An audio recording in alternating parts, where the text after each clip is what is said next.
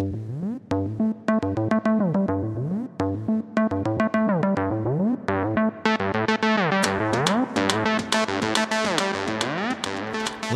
labas, labas, mano brangusis klausytojau arba brangioji klausytoja.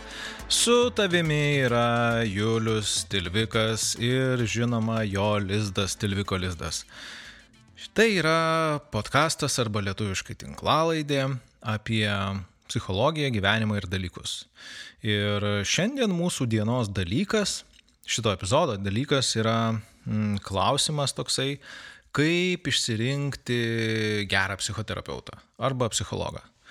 Arba psichologą psichoterapeutą. Gal šiek tiek tinka ir apie psichiatrus, nedaug, bet tinka. Uh, Bet iš esmės mes kalbam apie tai, kaip išsirinkti gerą psichologą arba psichoterapeutą. Ir sveikindamasis, aišku, aš labai tikiuosi, kad jūsų gyvenime viskas klostosi taip pakankamai neblogai, kad jūs džiaugiatės tokiu ateinančiu vis dar visai smagiu tokiu rudeniu. Na, kad jums šiaip tai nėra kažkokių didelių emocinių ar psichologinių ar psichoemocinių problemų ir Na, jums šitas podkastas kaip ir taip, jo, tik tai bendram išsilavinimui. Bet jeigu yra kažkas, tai ir jums vis dėlto tai yra aktualu, kaip įsirinkti gerą psichoterapeutą, tai ką, nu, sveiki atvykę ir jūs esate ten turbūt, kur ir turėtumėt būti.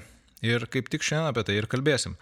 Vėlgi aš noriu pabrėžti prieš pradėdamas visą tą pokalbį, um, tiksliau man, mano monologą labiau, arba pokalbį kaip aš įsivaizduoju, su, su, su, su kokiu nors vėlgi protingų klausytojų ir klausytoja, kuris užduotų man klausimus ir aš juos atsakysiu. Taigi, taigi prieš pradėdamas aš noriu tokį kaip ir perspėjimą pasakyti, kad tai yra, na, iš esmės tai yra mano, iš mano asmeninės patirties, iš mano klientų patirties, iš to, ką aš esu girdėjęs iš kolegų, ar iš bičiulių, draugų atsiliepimų, iš šeimos narių galbūt apie apskritai psichologų ir psichoterapeutų darbą ir elgesį ir, ir tai, kaip jie mato psichoterapiją.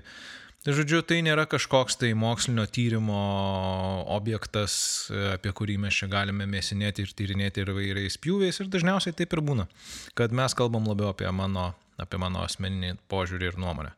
Nepaisant to, aš manau, kad na, turiu šiokią tokią jau patirtį surinkęs, kad galėčiau apie tą turinį kažkaip tai uh, kalbėti su tam tikra gelme ir tam tikrų supratimu ir nersim tuo jau, nersim jau į tą visą turinio gelmę. Tik tai vienas yra momentas. Šiandien aš kalbėjausi kaip tik su viena iš kolegių, na, kolegom aš vadinu apskritai visus, visus žmonės dirbančius psichikos veikatos rytį. Ir tai yra potencialus žmogus, kuris um, dalyvaus uh, interviu. Ir uh, kodėl iki šiol tų interviu nėra, tai na, vienas iš tokių, viena iš, nežinau, kaip paskatų uh, jums klausytojai, kad tie interviu atsirastų, tai yra podkasto remimas. Ir mano tokia, na, kaip ir užduotis tikslas, kad jeigu podkastas surenka remėjų tiek, kad gaunasi po 50 maždaug dolerių rėmimo per mėnesį mes paleidžiam interviu. Kodėl? Paklausit jūs? Labai geras klausimas. Kodėl? Tai todėl, kad interviu šiaip tai reikia naujos įrangos, papildomos įrangos, nes neužtenka vien tik tai to mikrofono, kurį aš čia turiu. Reikia, na, didžioji dalis turbūt interviu bus įrašinėjama vis viena nuotoliniu būdu, tai reikia tam tikros įrangos tam, kad mes galėtume tos skambučius kokybiškai įrašyti ir tinkamai. Arba jeigu aš tuos interviu įrašinėsiu gyvai, dar nelabai žinau kaip, bet turbūt, kad man reikės vis dėlto apsilankyti kartas nuo karto, nežinau, įmant tuos interviu, jeigu aš juos darysiu gyvai. Lietuvoje arba tie žmonės, kurie dalyvaus interviu, atvažiuos kažkaip tai pas mane į Rygą ir uh, E, tuo metu, aišku, man reikės, na, vėlgi specialios įrangos tam, kad tuos interviu įrašinėti grinai. E, gyvai, taigi, jo, nu tai kainuoja pinigų ir aš, aišku, labai norėčiau, kad remėjai prie to prisidėtų. Taigi, jeigu norite, kad interviu atsirastų greičiau, eikite į tilvikas.lt, įstrižas brūkšnys lizdas ir ten yra nuoroda paremti ir ten yra Patreon, per kurį galima remti šitą e, visą turinio kūrimą. O turinio kūrimas tada jau gims ir pasivys jūs jau su interviu kartu. Ir interviu dalyvaus ne tik tai psichologai, bet šiaip dalyvaus žmonės, kurie mano nuomonė yra įdomus ir jie turi ką pasakyti. Ir, na, aišku, mes vėlgi pakraipa yra tokia psichologinė, kaip ir, kaip ir viso to turinio, kurį aš čia kuriu. Bet um, turbūt laikas grįžti dabar prie to esminio klausimo. Taigi, kaip išsirinkti gerą psichologą ar psichoterapeutą? Varom. Ir pirmiausia, aišku, iškilus tokiam klausimui, kaip išsirinkti gerą psichologą, psichoterapeutą, aišku, turbūt klausimas man, man automatiškai kiltų, tai kas yra geras? Ir nes, nu, reikia kažkaip tai suprasti, kas, kokiai, kokiais kriterijais vadovaujantis mes galim pasirinkti tą gerą specialistą ir tada jau tuos kriterijus pritaikyti konkretiems žmonėms. Ir aišku, naudotis galbūt kažkokią tai metodologiją, kaip mes tai darom. Ir um, mano akimis yra keletas tokių pačių svarbiausių kriterijų apibrėžiančių gerą psichoterapeutą arba psichologą arba psichikos veikatos specialistą apskritai. Ir dėja tie kriterijai jie nepasimato iš karto, mes apie juos negalime uh, paskaityti ar suprasti, kai žmogus kažką tai rašo ar kažkokiam interviu dalyvauja. Iš esmės mums reikalingas asmeninis kontaktas tam, kad mes galėtume įsivertinti, kaip, ar, ar na, iš esmės tie kriterijai, ar jie atitinka tai, ko mes tikimės, ar ne. Nepaisant to, manau, kad jie yra vieni iš svarbiausių tam, kad terapija būtų efektyvi ir veiktų ir veiktų jinai kokybiškai. Ir tie trys e, esminiai kriterijai, tie trys dalykai, e, kurie mano manimu yra psichoterapijoje ar psichologiniam konsultavime svarbiausia, tai yra empatija, e, specialisto drąsa ir specialisto kūrybingumas. Ir apie kiekvieną jų gal truputėlį plačiau. Mm, empatija. Na, apskritai, psichikos veikata neįsivaizduojama turbūt be empatijos, tai yra be supratimo, kas vyksta kliento viduje, jo pasaulyje, jo emocinėme pasaulyje.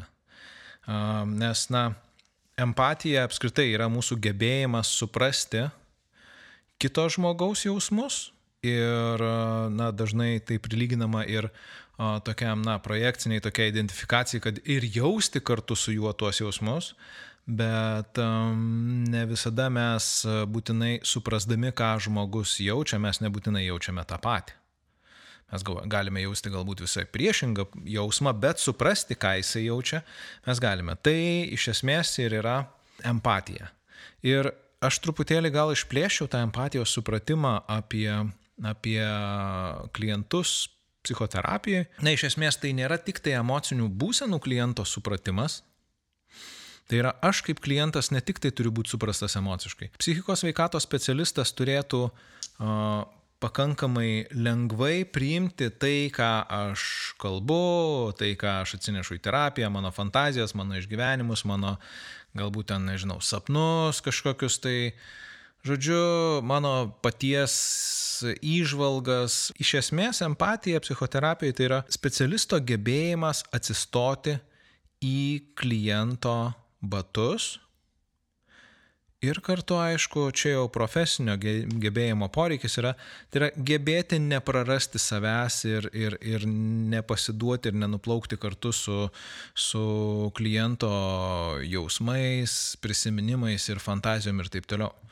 Tai yra, kad ir, kad ir mes būtume empatiški kaip specialistai, bet mums vis viena reikia išlaikyti labai a, aiškiai supratimą, kad mes dirbame tuo metu su klientu ir mes turime tuo pačiu metu suprasti, ką mes jaučiame ir suprasti, ką, suprasti, ką mes galvojame. Tai yra, na, na vienu metu daryti ir, ir, ir, ir analizę to, ką jaučia ir kas ten vyksta su klientu ir to, kas vyksta su mumis. Na ir, ir aišku, tada visa tai tokiam, reiškia, irgi priklausomai nuo to, kaip ta visa, na tarkim, tas psichologinis konsultavimas ar psichoterapija vyksta, kažką tai atiduoti klientui, galbūt kažką kartais pasilaikyti savo.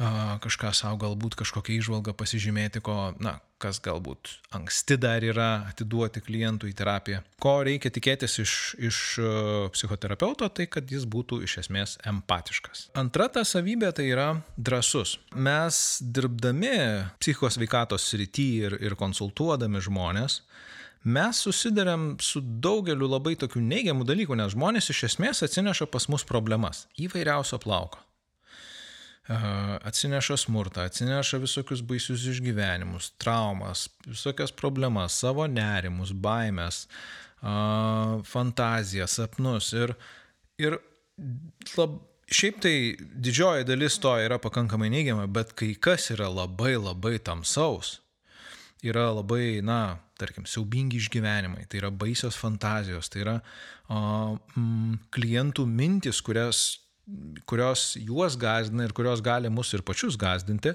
Tai todėl, na, psichoterapeutas turėtų būti pakankamai drasus, kad jis galėtų, um, na, taip priimti visą tai, uh, su tuo išbūti, panagrinėti tai, kas ten yra taip labai labai, na, tą tamsėje kliento pusę, priimti ir suprasti, kad, kad ir psichoterapeutas turi pats savo tamsėje pusę ir, ir geba e, su ją kažkaip tai tvarkytis, e, žodžiu.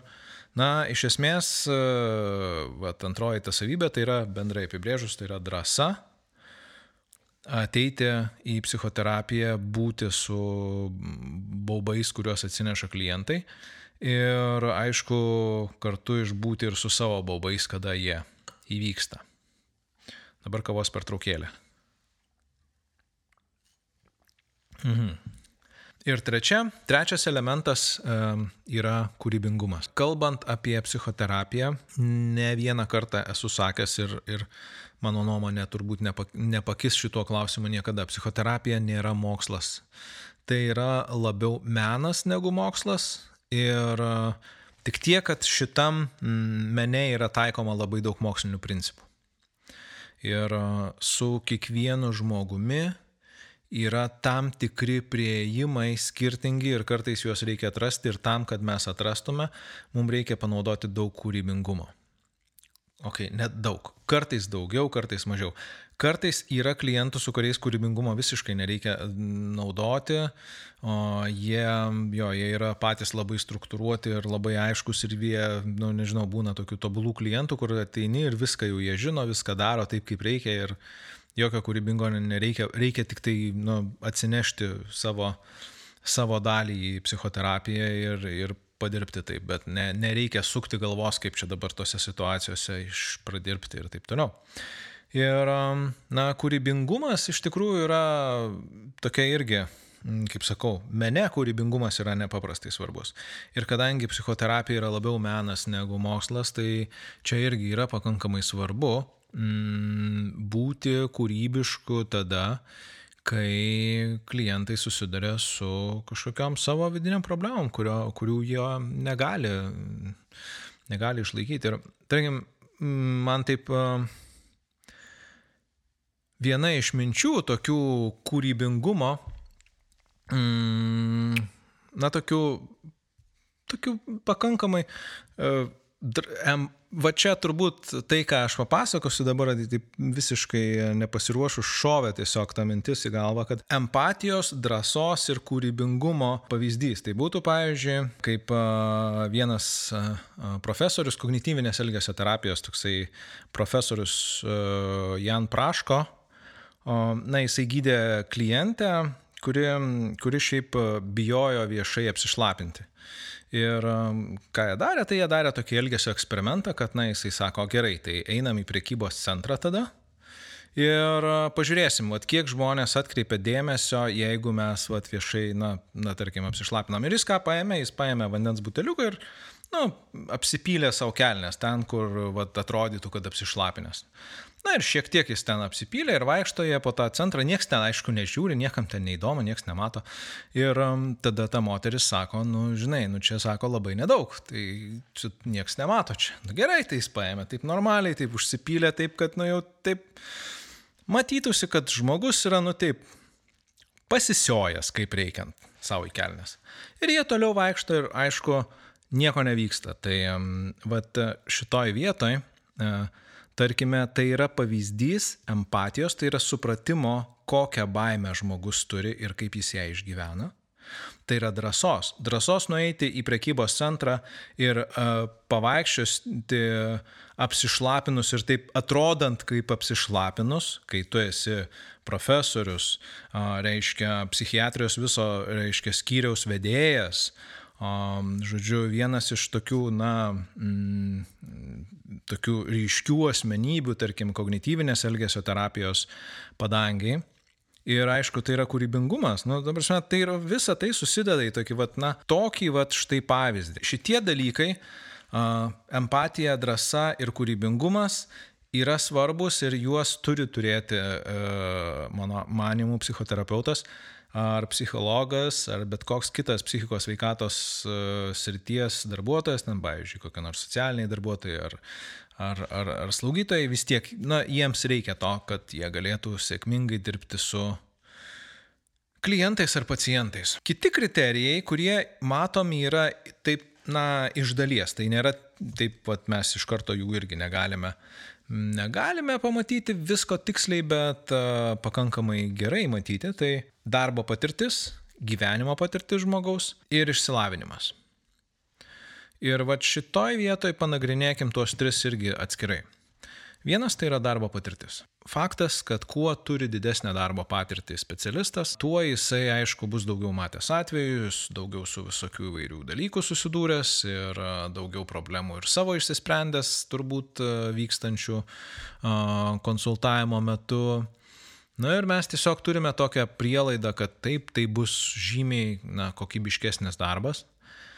Bet šitoje vietoje aš sakyčiau, kad ne visada taip turi būti, nes yra žmonių, kurie, pavyzdžiui, ateina į, į darbą ir jie yra jauni, jie yra nauji ir jie turi tą vat, empatiją, drąsą ir kūrybiškumą ir jie dar nėra sugadinti, pavadinkim, sistemos.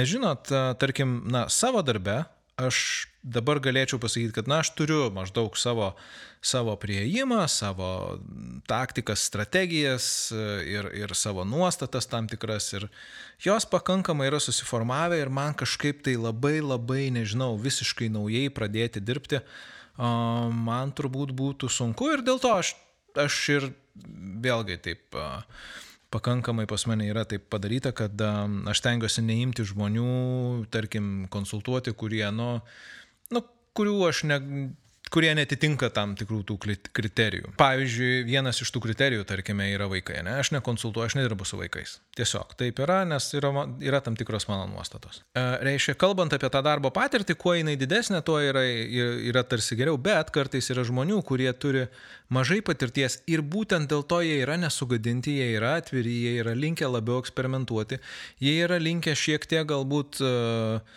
Mm, kartais atsargiai taip pažiūrėti, kur mes taip labai, nu, tarkim, tas jau tokios jau, jau paragavę tos, reiškia, psichoterapinio darbo, tie žmonės taip pakankamai drąsiai ten ateina, klausia, pjauna ten kaip.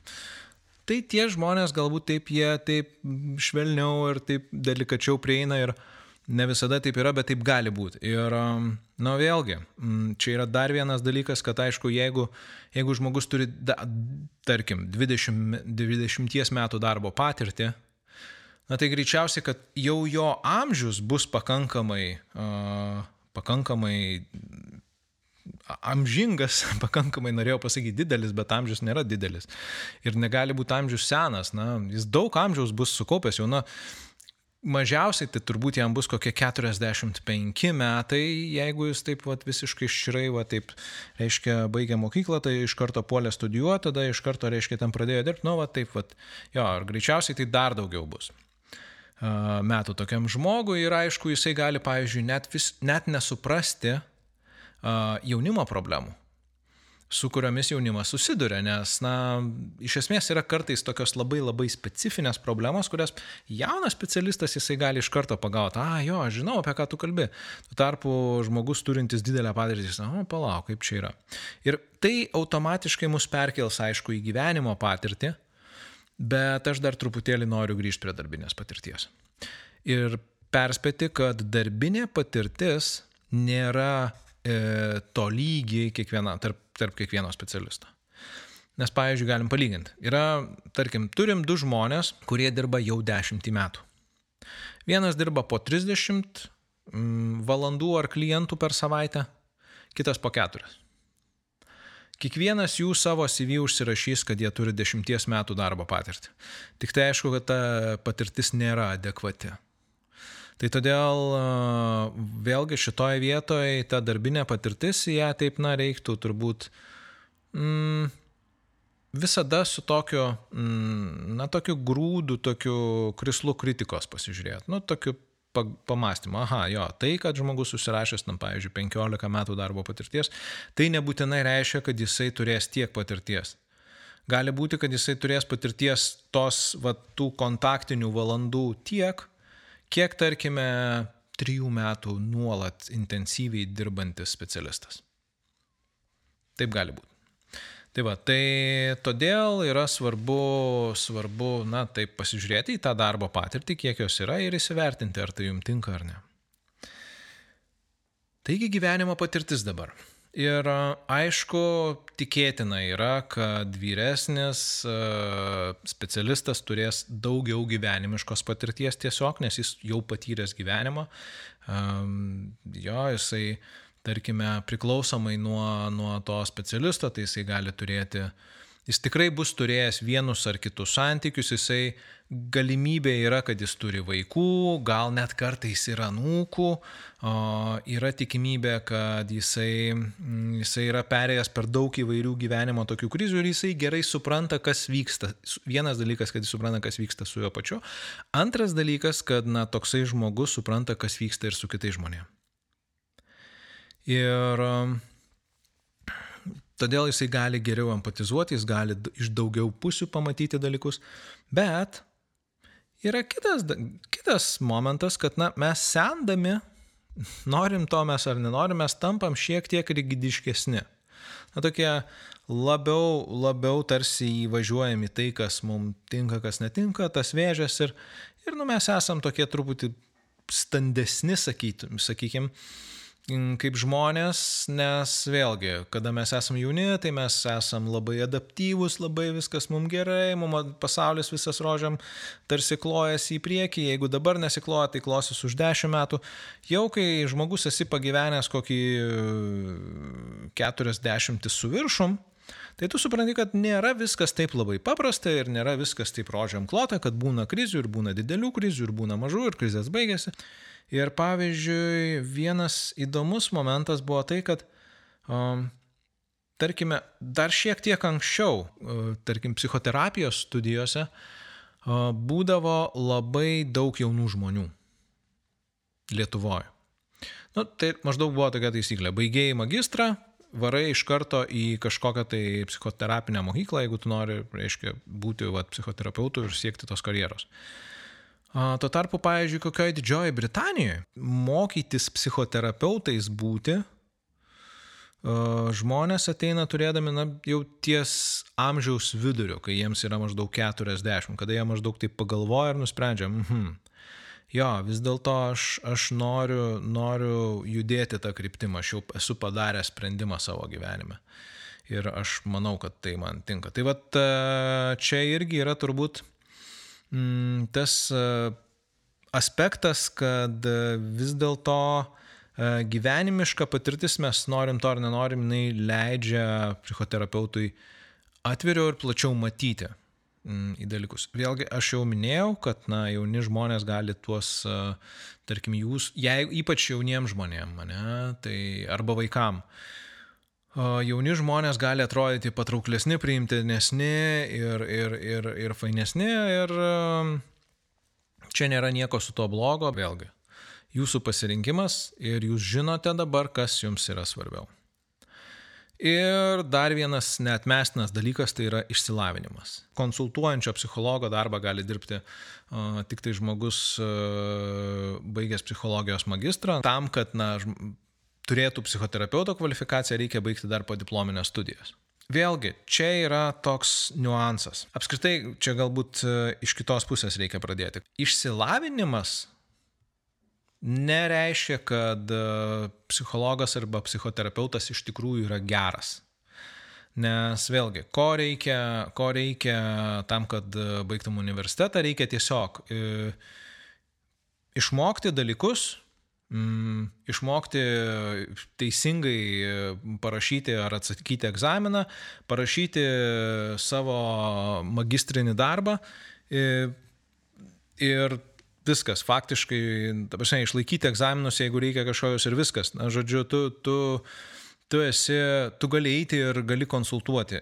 Mes gaunam žinių, bet mes negaunam visiškai jokios tokios, na, praktikos konsultavimo. Na, kai kurie universitetai duoda tą praktiką kažkokią labai minimalę, kai kurie reikalauja ten, aš dabar tiksliai neatsimenu, bet tarkime ten 20 valandų praktikos. Kviečiame žmonės nemokamai konsultuotis, tai jie ateina, konsultuojasi ir, ir reiškia tada, tada mes tarsi, mes reiškia tas konsultacijas supervizuojamės arba intervizuojamės, priklausomai ten nuo, nuo formato. Ką tai reikštų, klausytojams, kurie nežino tų terminų, tai einame pas um, specialistus, kurie na, turi supervizoriaus tarkim, laipsnį, ne laipsnį, bet, nu jo, laipsnį, tarkim, nežinau kaip čia pasakyti.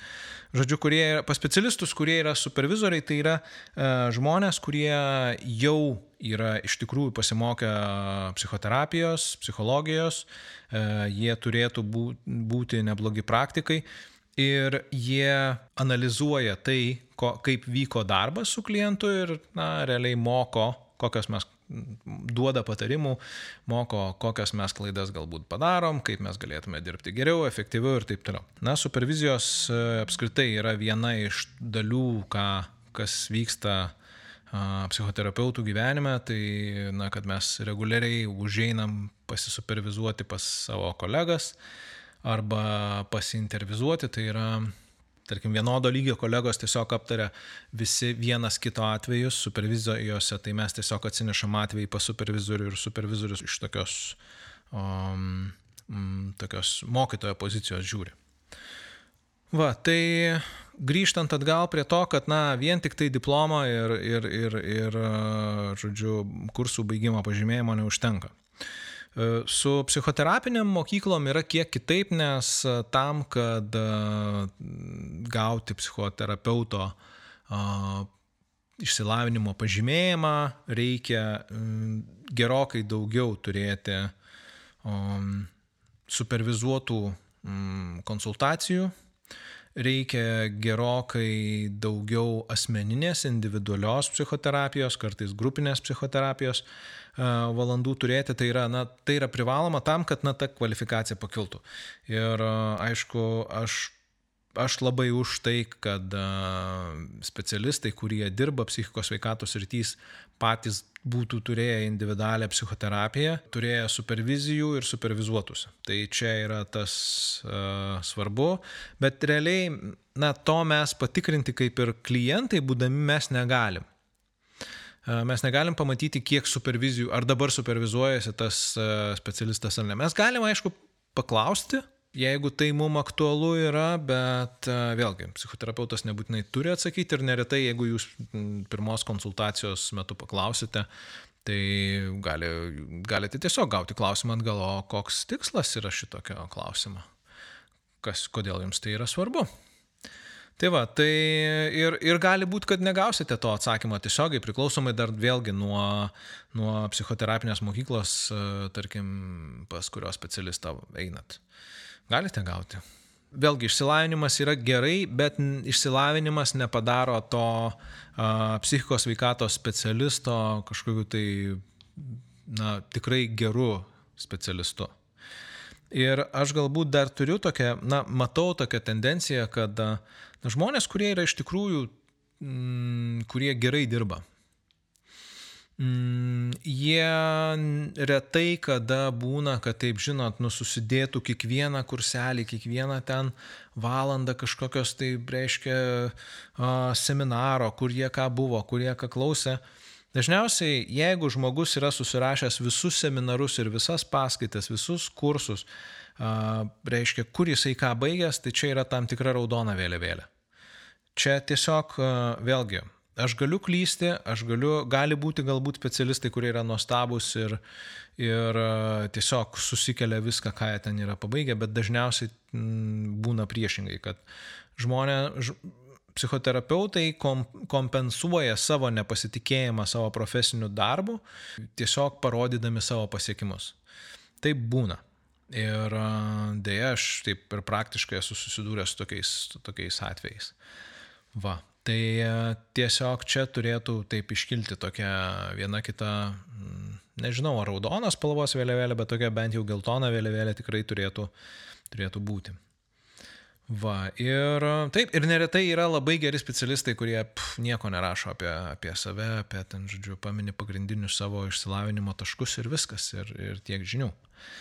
Tai va, tai apibendrinant yra tie trys tokie kriterijai, kuriuos mes galime pamatyti e, iš karto, dalinai kartais, kartais iš karto. Tai yra darbo patirtis, kiek žmogus laiko dirba, kartais e, šiaip rašo, nežinau, psichologų, psichologų katalogai, tarkim, ten jie patys pas save užsirašo, nuo kada jie konsultuoja, tada na, gyvenimiška patirtis, tai logiška, kad nu, jeigu žmogui yra 60 metų, tai turbūt, kad jis turi tos gyvenim, gyvenimiškos patirties. Na ir aišku, išsilavinimas irgi kai kurie pateikė apie tai informacijos daugiau, kiti mažiau. Susumavus visą tai, toks galutinis aspektas, kuris pasimato jau darbe ir, nu, tarkim, psichoterapijoje, nes psichologinis konsultavimas gali būti viena, dvi konsultacijos ir viskas. Psichoterapija tai yra ilgalaikis procesas. Talentas, iš esmės, e, gebėjimas panaudoti visą tai, ką aš jau išvardėjau. Tai yra empatija, drąsa, kūrybingumą, darbinę patirtį, gyvenimišką patirtį ir išsilavinimą vienu metu tam, kad terapija būtų efektyvi. Tai aš šitoj vietoj manau, kad, na, va, čia ir pasireiškia tas specialisto talentas. Ir um, aš jau kažkada esu sakęs, galbūt ne, ne tik tai taip labai viešai, bet um, iš tikrųjų yra uh, psichologų ir psichoterapeutų, kurie turi labai gerus davinius būti psichoterapeutais ar psichologais, ir yra žmonių, kurie neturi davinių tam. Ir tą talentą išugdyti yra labai labai sunku, nes, na, to darbo gerokai reikia daugiau įdėti ir, ir, ir nepaisant to, tie žmonės tiesiog yra toj srity, tarkim, psichologijos ir jie bando kažką tai padaryti, bet, um, na, jiem tiesiog sunkiai sekasi. Va, tai štai vat, visą tai apibendrina specialisto talentas ir manau, kad talentą pamatyti galima gerokai padirbėjus, ne, ne vieną ir ne dvi sesijas, o su specialistu ir tada jau taip ir, kaip sakyt, pasireiškia. Tai gerai, tai jau dabar jūsų, jūsų klausimas, mėly klausytojai, tai galėtų būti, tai Juliau, tai kaip išsirinkti tą gerą psichologą, tai aš jau žinau, bet tai kaip žinot, kuris iš jų yra geras? Mm, čia irgi toks sudėtingas klausimas. Nelengvas, ne? Na, aš tai siūlyčiau tiesiog, žinot, taip vad pažiūrėti nuotrauką, jeigu geras žmogus atrodo, tai turbūt, kad ir bus geras specialistas. Nes jeigu atrodo toks blogas, gal su kokia plika galva, ar susiraukęs, tai turbūt bus blogas toks, negerų akių žmogus. Ne, neteisingai.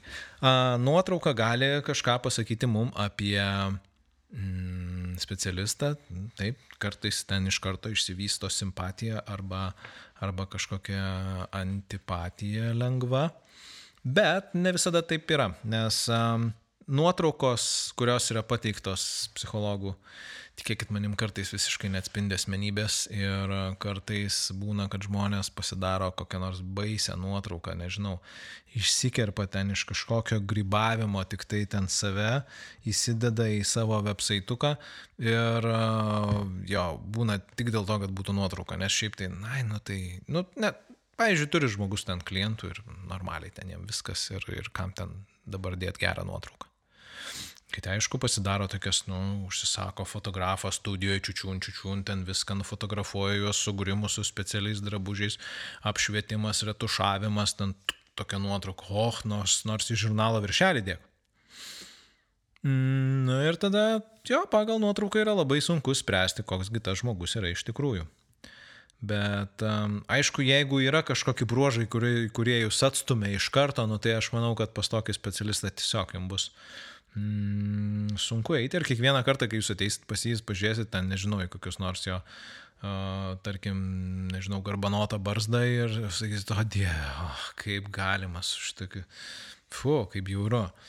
Va, arba dar kažką ten. Tai žodžiu, tai Tai nuotrauka yra toks labai, sakyčiau, su klaustuku dalykas. Bet yra, yra kiti momentai, kurie iš tikrųjų gali parodyti, um, parodyti to specialisto tinkamumą toks vienas, vienas tinkamumo įvertinimas, sakyčiau, aš jį pavadinau nekontaktinis tinkamumas. Tai mes galime pasižiūrėti, ką tas žmogus yra parašęs, kuris yra pakalbėjęs, galbūt jis kažkur yra nusifilmavęs, žodžiu, ir, ir yra kažkokie tai įrašai, dabar internetas faktiškai pilnas apie kiekvieną žmogų e, ir psichikos veikatos specialistą galima pasižiūrėti, nu, tikrai žmonės tiesiog deda ten įvairių savo, įvairių savo turinį. Uh, Deja, ne visi. Yra, aš žinau tikrai labai gerų specialistų, kurie faktiškai nieko nerašo, nieko nedaro ir jie tiesiog dirba. Tiesiog dirba ir viskas, ir, ir, ir tiek žinių. Ir klientai rekomenduoja vieni kitiems ir, na, jiems tiesiog to darbo netrūksta ir viskas ten gerai. Tai gali būti, kad asmeninė rekomendacija irgi gali padėti, bet, žodžiu, kaip išsirinkti iš to, jeigu jūs neturite rekomendacijų, ne, arba jūs nepaisote rekomendacijų ir ieškote patys savarankiškai, tai tiesiog žiūrėti, ką tie žmonės rašo, kalba, nu, vien apie save, tarkim, jų moto kažkoks, tai jų nuostatos, jų, jų sakau, pakalbėjimai, parašymai, jeigu jum tinka, jeigu tos mintis, jie, kurias jie formuluoja, jum atrodo, kad gerai, nu tai toks jau, jau šioks toks tas nekontaktinis tinkamumas yra. E, toliau yra, pavadinau aš taip, kontaktinis tinkamumas. Mm, na, tai tada, kada mes jau, jau grinai konkrečiai dirbame su, su pačiu psichikos veikatos specialistu. Tai ką galima padaryti? Galima užsirašyti konsultacijai ar kelioms konsultacijoms ir pasižiūrėti, kaip jūs su tuo žmogum jaučiatės. Ir tada nuspręsti. Nes čia yra svarbu paminėti, kad e, psichologo ar psichoterapeuto pasirinkimas yra kaip, na, tokių e, žygio batų pasirinkimas arba tolimo bėgimo batų pasirinkimas. Jie, su jais jums reikės daug ką ištverti. Ir jeigu tas žmogus jums netinka, tai žinokit, kad nu, bus taip kaip su spaudžiančiais ar trinančiais batais. Tai va, ta, todėl tai yra pakankamai atsakingas toksai rinkimasis. Ir aš tai sakyčiau, kad šiaip klientai, kurie ateina, jie neretai mm, pas mane ar pas kolegas, kiek mes esam kalbėję, kad neretai jie tiesiog, na, ten, ai buvo arti namų, tai dėl to. Hmm, ok. Ir tada tada iš tikrųjų klausimas, tai kiek, kiek ten tas pats specialistas yra, yra, na, nežinau, kaip tas tada kontaktas būna, bet aišku būna, kad, na, iš tikrųjų žmogus ateina į konsultaciją dėl to, kad arti namų jam ir viskas ten yra gerai. Tai va, bet vėlgi, Jeigu, jeigu ieškote tinkamiausių batų savo ir galite nuvažiuoti, nežinau, ten iki, iki kokios parduotuvės išsimatuoti, dešimt parų batų, perskaityti visokių apžvalgų ir dar ten, žodžiu, kažko tai, tai nu, su, su psichoterapeutu reikia daryti panašiai. Tai va, tai todėl aš rekomenduočiau truputėlį, truputėlį praleisti laiko su tuo žmogum, Kai kurie kolegos daro, tarkime, pusės valandos ar ten penkiolikos minučių sesijas. Kai kurie to nedaro. Kai pas kai kuriuos yra tiesiog susimokė už sesiją, ateini ir, ir prasme, galima tada mm, pasižiūrėti, kas ir kaip. Tokių vat, kontrolinių, tarkim, ar, ar tokių bandomųjų konsultacijų metu iš tikrųjų, ką yra galbūt svarbu suprasti, tai, nu vėlgi, įsivertinti, kiek jūs jaučiatės, kiek, kiek jūs gerai suprantate žmogus. Tai yra, kiek jis geba empatizuoti.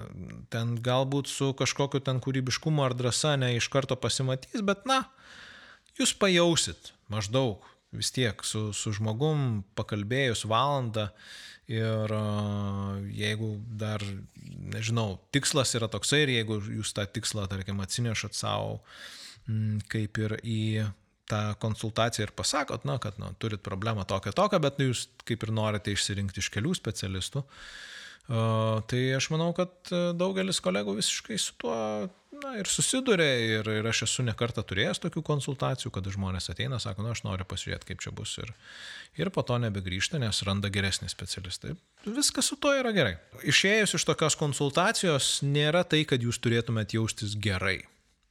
Čia nespa, kur jūs atsipalaiduojate ten ir nebūrimo salonas, kur ateinate ir gaunate patarimų ir gyvenimo planą visą ir, žodžiu, ne coachingo sesija, kur jums gyvenimo ten kažkokiu tai sustato planą, ne. Šiaip tai e, išėjus iš geros konsultacijos ar, ar, ar psichoterapijos seanso, tai, na, iš esmės e, mes turėtume išsinešti klausimų savo, kur, apie kuriuos turėtume vietos savo pagalvoti, e, įžvalgų, Galbūt savo, galbūt uh, specialisto, bet tikrai ne, čia nėra apie jautimąsi gerai. Aišku, jeigu, mm, jeigu jaučiatės, na, na, iš tikrųjų labai nekomfortiškai, nemaloniai, reiktų pagalvoti apie ką tai yra. Klientas, supraskite, visą laiką, nu, ne visą laiką, bet didžiąją daugumą atvejų, jisai yra menkesnėje galios pozicijoje jis jaučiasi menkesnėje galios pozicijoje negu psichoterapeutas. Nes klientas ateina ir atvirai ir pažeidžiamai kalba apie visas giliausias ir skausmingiausias savo problemas. Gal ne iš karto, bet jis tai daro. Ir psichologas ar psichoterapeutas jis tiesiog klauso iš pradžių. Jam nebūtina atsiverti, jis, nu, dabar nebūtina atsiverti. Dažnais atvejais e, atsiver, atsiverimas apskritai nu, kainuotų sugadintą psichoterapiją. Atvejais nuo atvejo, taip by case. Bet, na, iš tikrųjų, jo, klientas atsineša savo žaizdas ir atveria jas kitam žmogui, o tas kitas žmogus į tai visą tai žiūri ir, ir, ir stebi. Ir gerai čia jaustis nelabai, kad manau, kad išeis. Bet jo, jūs turėtumėte išeiti be tokio, mm, nežinau, nuolatinio pasipriešinimo ar apmaudo, bent jau per pirmas sesijas, nes vėliau tai gali ten aišku kilti ir būna kyla pasipriešinimas a, psichoterapijoje ir, ir, ir panašus dalykai. Na ir a, toksai, tarkime, tas asmenybės ar profesinis tinkamumas dar yra ir iš a, Dar į jį mes galim pažiūrėti ir per trečią tokią perspektyvą, tai yra tą psichologinės paradigmos tinkamumą. Nes yra, pavyzdžiui, specialistų, kurie dirba pakankamai taip, na, siaurai savo a, psichoterapinės mokyklos rėmose ir jie nuo to nelabai kur varijuoja. Tarkim, yra tiesiog kognityvinės elgesio terapijos specialistai, kurie kurie va, dirba va, taip, kaip jie yra išmokę, jiem tai tinka, jiem tai veikia, jie turi savo klientus ir jie dirba su jais. Ir visa tai yra ok. Bet jeigu jūs norite kažkokią tai, nežinau, gyvenimo prasmės problemą spręsti, tai manau, kad kognityvinės elgesio terapijos specialisto konsultacija, na, iš esmės jinai truputėlį taip gal nelabai tinka tam. Jo, tai tokiu atveju aš eičiau pas kokį egzistencialistą ar, ar kokį psichoanalitiką ir, ir tenai va tokius klausimus, tokius klausimus uh, savo spręščiausi.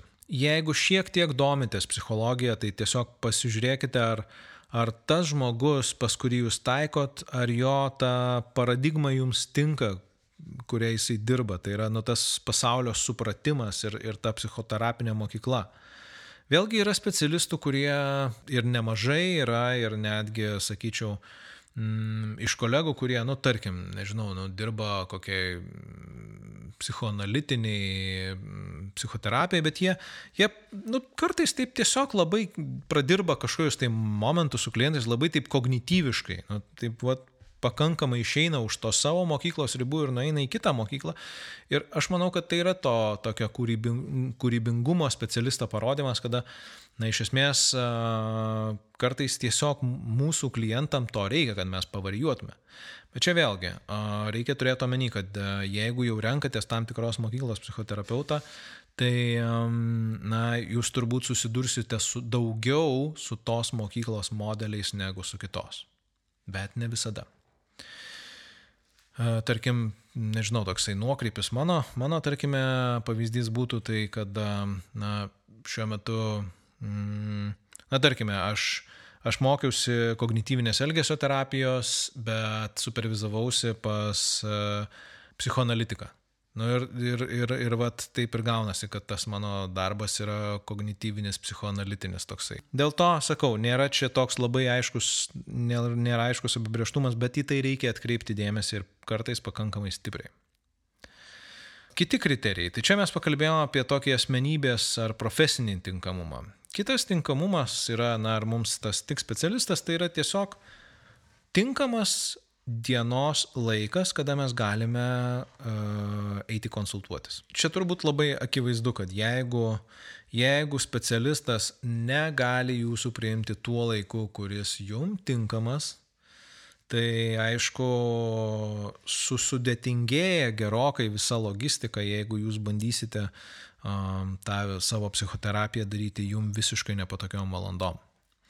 Ir vėlgi, kaip sakiau, uh, specialisto rinkimasis yra kaip, kaip tokių jo, tolimo žygiavimo batų ar bėg, tolimo bėgimo, ilgų distancijų bėgimo batų pasirinkimas, nes ten bus visko ir, ir, ir su tais batais reikės viską pereiti, pra, pragyventi ir, ir todėl jeigu, jeigu bus nuolatinis laikas, kuris jums nuolat pjauna, Tai kas vyks? Tai jūs turėsite atšaukinėti, perkelinėti sesijas, stumdyti savo ten daugybę dalykų. Ir, ir todėl uh, į tai dažnai žmonės, na taip, uh, nereaguoja, tarsi, ai, nu tai jo, kažkaip čia bus gal gerai.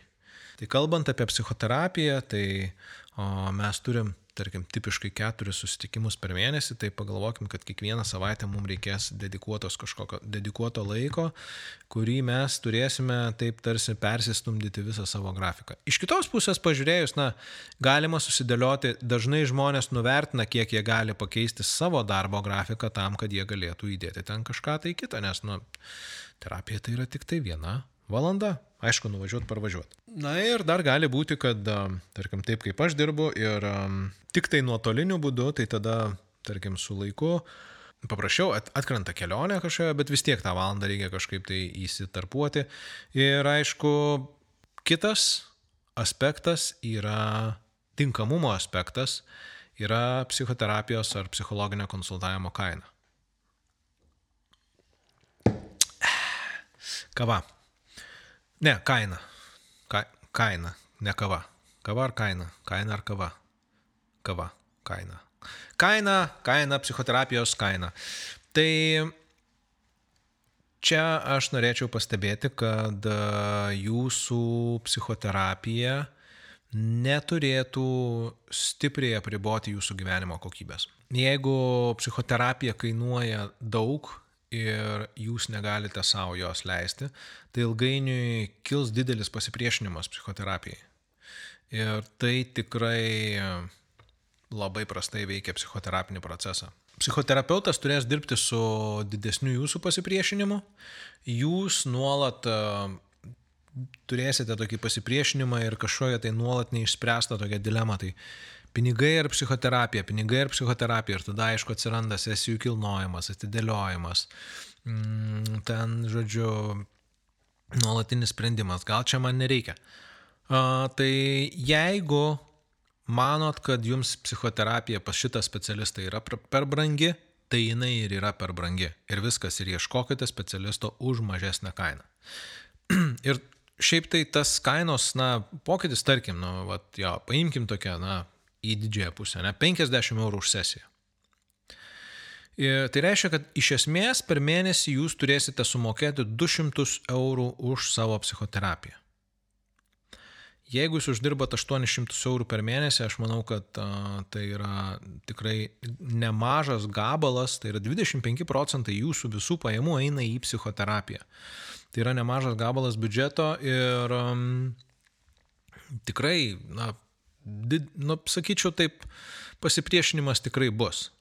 Jeigu jūs uždirbat, nežinau, 2000 eurų ir tada mokate 200 eurų už terapiją, nu, ok, 10 procentų pajamų, nu, psichoterapija iš esmės pakeičia išsprendžia daug tokių problemų, kurių šiaip paprastai neišspręsi, nu, visai gal ir nieko.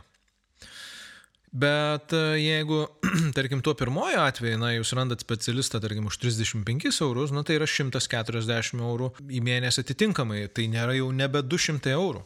Aš manau, kad yra svarbu atsižvelgti į kainą ir e, ne visada, ne visada yra taip, kad, mes, geri specialistai ne visada kainuoja labai daug.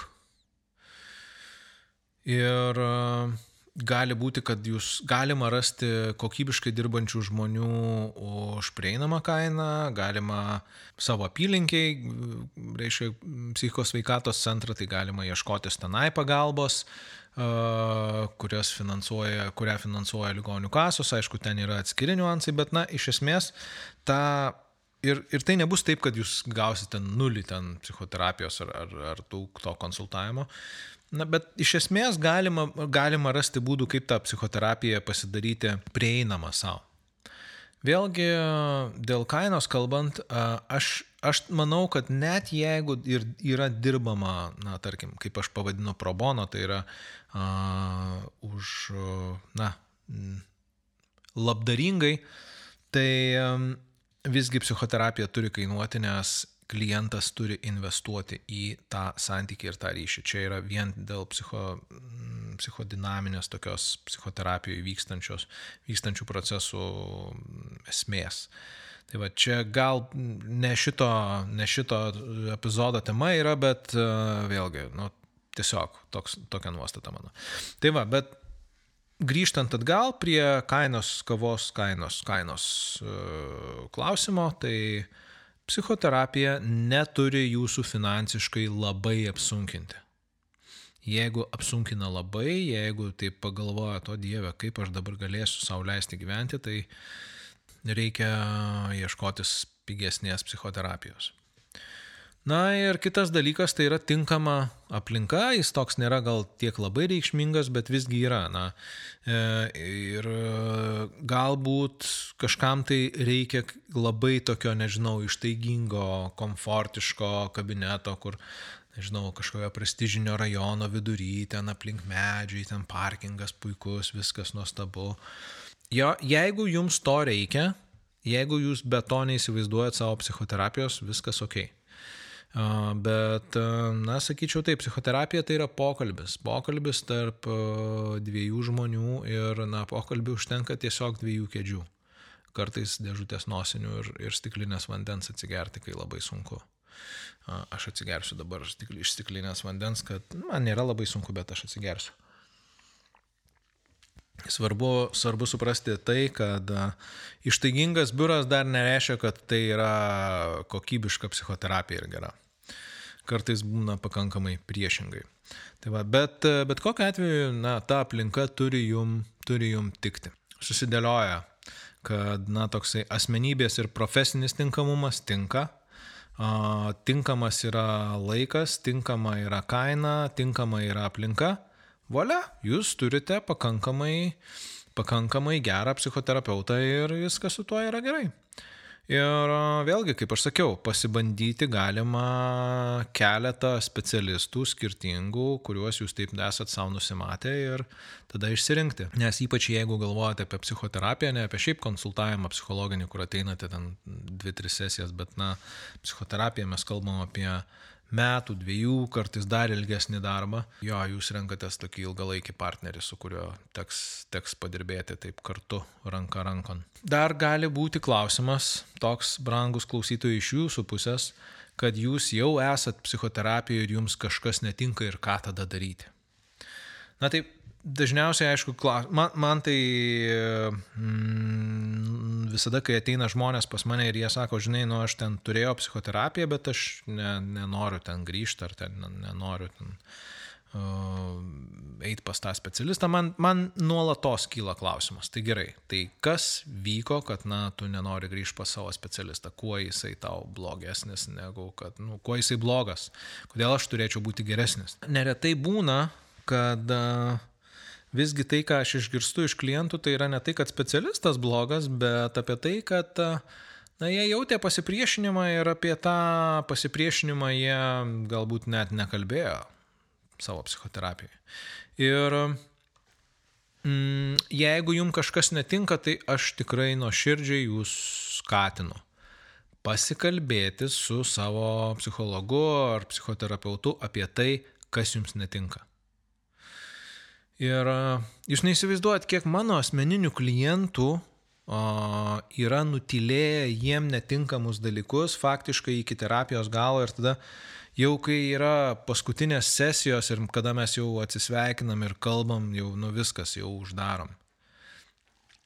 Ir, ir aš klausiu, tai gerai, ar yra kažkas neigiamo, ką, ką žinai, ką tu patyrei, ar nu tokio, ką tu iš tikrųjų, nu, kas tau nepatiko mūsų darbe ar, ar nu, mano asmenybei.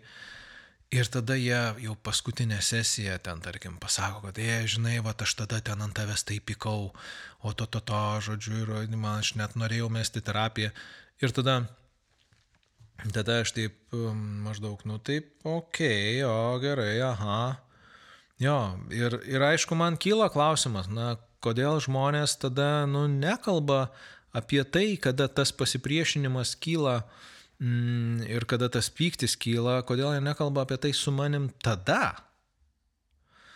Ir aišku, dar čia vienas klausimas kyla man asmeniškai kaip psichoterapeutui, tai kodėl aš to nepamatau.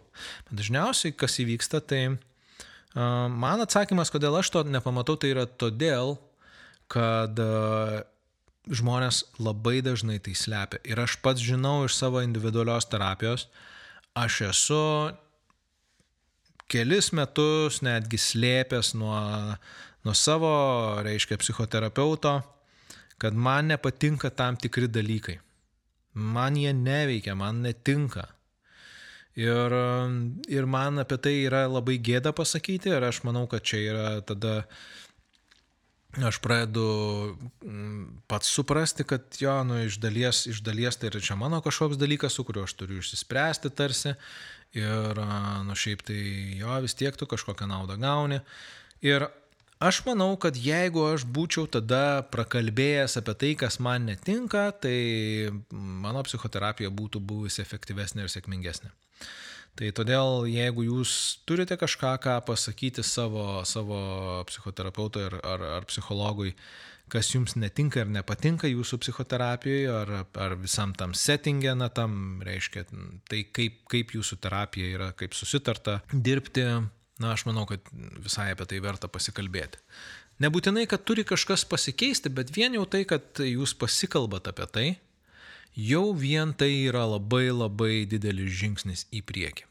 Ir mano nuomonė tai yra labai svarbu daryti kalbėkite su savo specialistais ir, ir, ir, ir, ir tikrai aš, aš labai linkiu, kad na, būtų, būtų, būtumėt išgirsti. Ir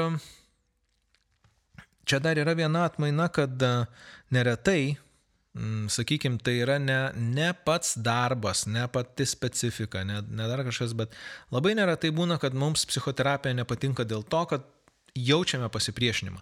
O pasipriešinimą jaučiam todėl, kad e, psichoterapeutas ar psichoterapeutė išprovokuoja kokį nors negatyvų mūsų perkelimą. Mes, mes perkeliam ten tėvą, mamą, močiutę, brolį, sesę ir, ir tada realiai psichoterapeutas nebėra psichoterapeutas sėdinti savo fotelėje, tai yra ten, nežinau, brolis ar sesuo, kuris ten mus ten muša, ar ten mus erzina, ar ten tėvai, kurie ant mūsų rėkia, ar kurie į mus ten reaguoja ir taip toliau. Ir tada automatiškai, vėlgi čia viskas, tas, visa tai vyksta nesąmoningai. Ir tada realiai, jo, kartais mes kalbam apie tai su savo klientais ir klientai apie tai užsimena, bet dažnai būna, kad jie jaučia pasipriešinimą ir jie apie tai nekalba. Ir jie, na taip, vat, bando visokiais būdais tarsi nuvinguriuoti. Tada kliento psichika ką padaro, tai yra, jeigu jūs esat klientas, mielas klausytojau ar klausytoja, tai mm, ką jūsų psichika padaro, tai jūs realiai matote psichoterapeutą tokį blogą, ant jo pykstat, viskas su juo yra negerai. Ir Taip atrodo, bet tai nebūtinai reiškia, kad, na, iš tikrųjų pats specialistas jums netinka.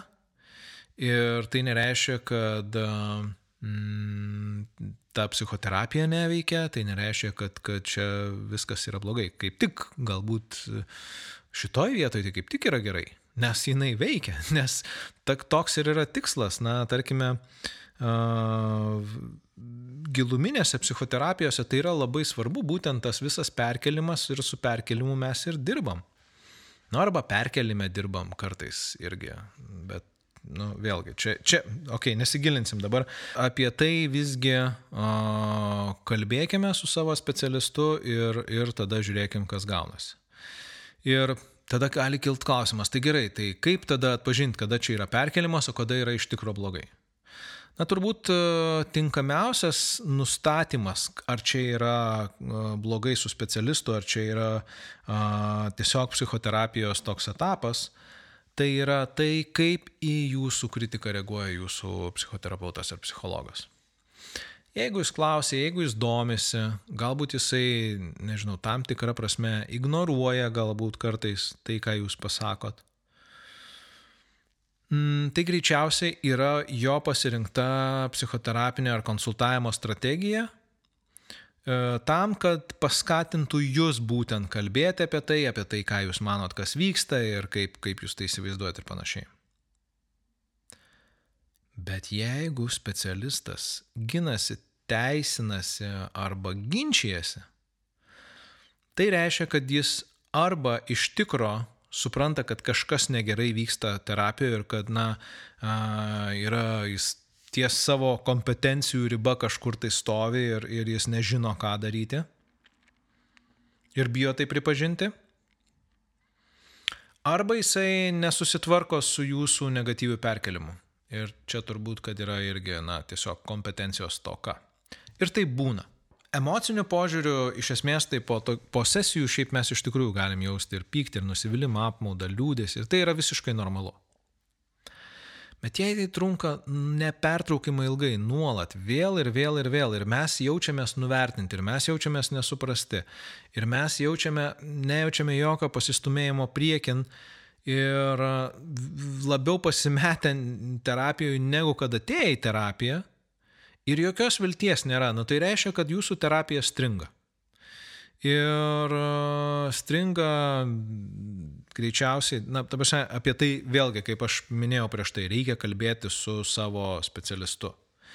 E, bet būna kartais psichoterapija įstringa tokiam, na, tokiai plokštumoje plato fazai.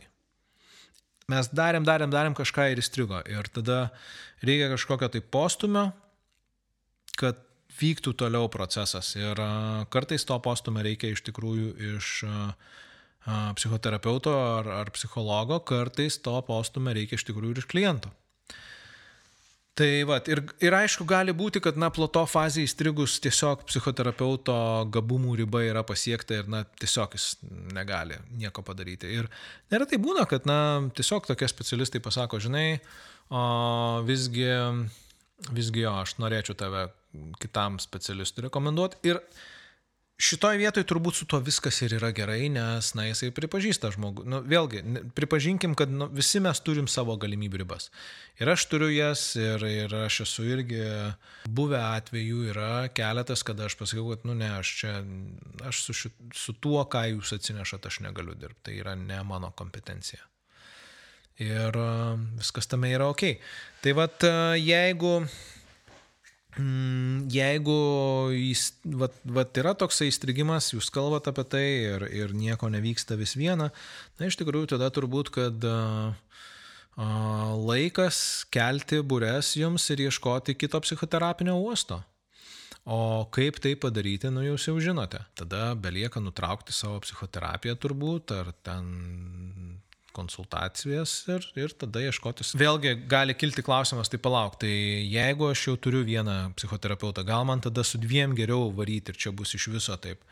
Tai ne, mm, aš tai rekomenduočiau visgi baigti vieną psichoterapiją ir tada pradėti kitą. Ir e, su kitu specialistu. Dirbant vienu metu su keliais specialistais, e, persimaišo ten dalykai ir, ir, ir na, dažniausiai tai aišku e, ieško tokių, na, dirba tokiais modeliais žmonės, kurie labai nepasitikė savim ir nepasitikė aišku ir savo psichoterapeutu. Jums klausytojai, kaip klientam aš tikrai nuoširdžiai nerekomenduoju dirbti su dviem psichoterapeutais vienu metu. Nebent jūs dirbate poros terapijai su vienu specialistu ar ten dviem specialistais ir tada individualiai konsultuojatės. Čia yra kitas klausimas. Nes ten yra poros klausimas sprendžiamas, ši čia yra vieno, vieno jūsų ar jo, jūsų vienos klausimas sprendžiamas. O kitu atveju, aišku, jeigu tai yra dvi individualios lygiai čia einančios terapijos, aš tikrai, tikrai nerekomenduoju. Kitas atvejis yra, jeigu jūs e, konsultuojatės ar nu, terapinatės pas psichoterapeutą ir lygiai grečiai o, dirbate su psichiatru, bet jau nebe psichoterapiškai, o jisai skiria vaistus, tai čia irgi yra viskas su tuo ok, nes aš žinau kolegų, kurie dirba netgi koja kojan su, su psichiatrais ir, ir aš manau, kad tie tandemai labai sėkmingi būna. Tai va, tai um, Vat štai tokiais atvejais galima galbūt ir, ir turėti tą keletą, tą keletą specialistų, kurie, mm, kurie na, su kuriais dirbti galima vienu metu. Va, ir mes esam gerbėmieji savo epizodo pabaigoje. Aš tai noriu labai padėkoti klausytojams, kurie iki šiol klauso.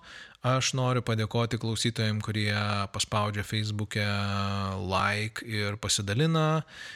Noriu padėkoti klausytojams, kurie pakomentuoja kažką, kurie man parašo elektroninį paštą lizdas.tilvikas.lt arba, arba į Facebook'o messengerį puslapio žodžiu, ačiū Jums labai.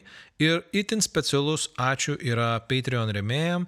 Jeigu nesate Patreon remėjai ir norite šitų epizodų ir norite interviu, kaip aš sakiau, e, keliaujam į tilvikas.lt, įstrižas brūkšnys lizdas e, ir ten spaudžiame nuorodą paremti ir paremkite tada podcastą ir kuo, kai mūsų susirinks pakankamai mes turėsime interviu, interviu bus tikrai labai įdomus ir, ir, ir pamatysit, kaip ten bus viskas gerai.